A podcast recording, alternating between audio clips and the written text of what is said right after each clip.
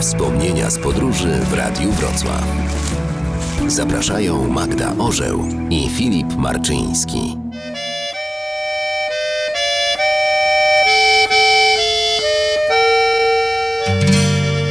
Dziś jedziemy na wschód razem z podróżnikiem i blogerem Filipem Falińskim. Odpowiedź na pytanie o to, co zrobiło na nim największe wrażenie, wymagała chwili namysłu. Chyba największe wrażenie zrobił na mnie Donbas, ten słynny ukraiński Donbas, gdzie od kilku lat toczy się wojna a ja po raz pierwszy pojechałem do Donbasu w 2010 roku, na kilka lat przed wojną.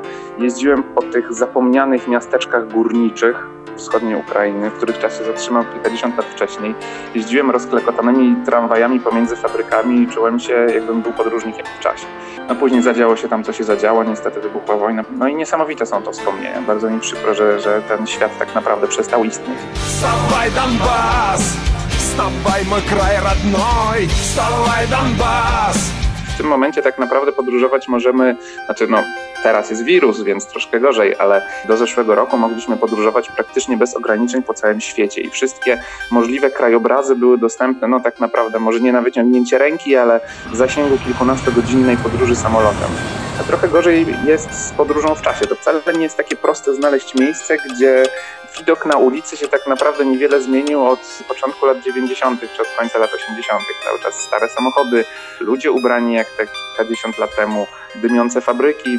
Oczywiście w tym wszystkim jest dosyć duża ilość smutku. No nie da się ukryć, bo jednak wiąże się to przede wszystkim z, z biedą, z tym, że ludzie mieszkają w kiepskich warunkach, w brudnych miastach, jeżdżą po drogach pełnych dziur ale dla okazjonalnego podróżnika to było no, niesamowite wrażenie, naprawdę. Tego typu turystyka nie jest prostą sprawą, nie tylko ze względu na niedostępność niektórych regionów. Takie miejsca jak indyjskie slumsy, kubańska waląca się Hawana, afrykańskie wioski, gdzie ludzie mają tylko to, co na sobie, budzą tak zwane mieszane uczucia. Mam dosyć dużo wyrzutów sumienia i bardzo dużo przemyśleń na ten temat. Te przemyślenia są zresztą dosyć, dosyć niejednorodne. Ja bym powiedział, przyrównał to troszkę do sytuacji, które często widuję w Polsce. Mianowicie jeżdżę po Polsce i odwiedzam opuszczone budynki.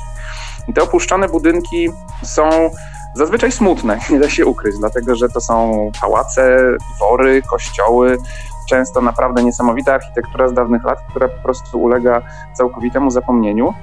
I z jednej strony jest mi, jest mi smutne, kiedy na to patrzę, a z drugiej strony wiem, że interesuje mnie to właśnie dlatego, że znajduję się w takim stanie.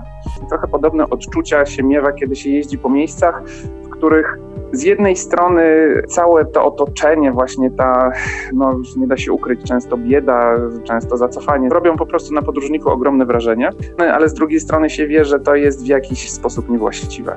Niestety w podróżach takich mniej turystycznych, w podróżach nienastawionych na, na wypoczynek, takich dylematów spotyka się, myślę, dosyć dużo i nie zawsze odpowiedź na niej jest prosto znaleźć. Z panem Filipem spotkamy się za tydzień. Poznamy wtedy pewnego peruwiańskiego psa. A jeśli komuś mało, to nasz dzisiejszy bohater prowadzi bloga. Stacja Filipa.pl. Bardzo prosty adres. Ja jestem Filip, e, lubię pociągi, więc stacja Filipa.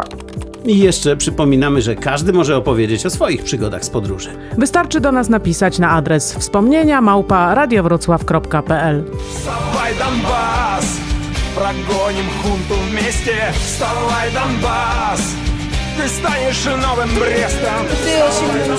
Wspomnienia z podróży w Radiu Wrocław.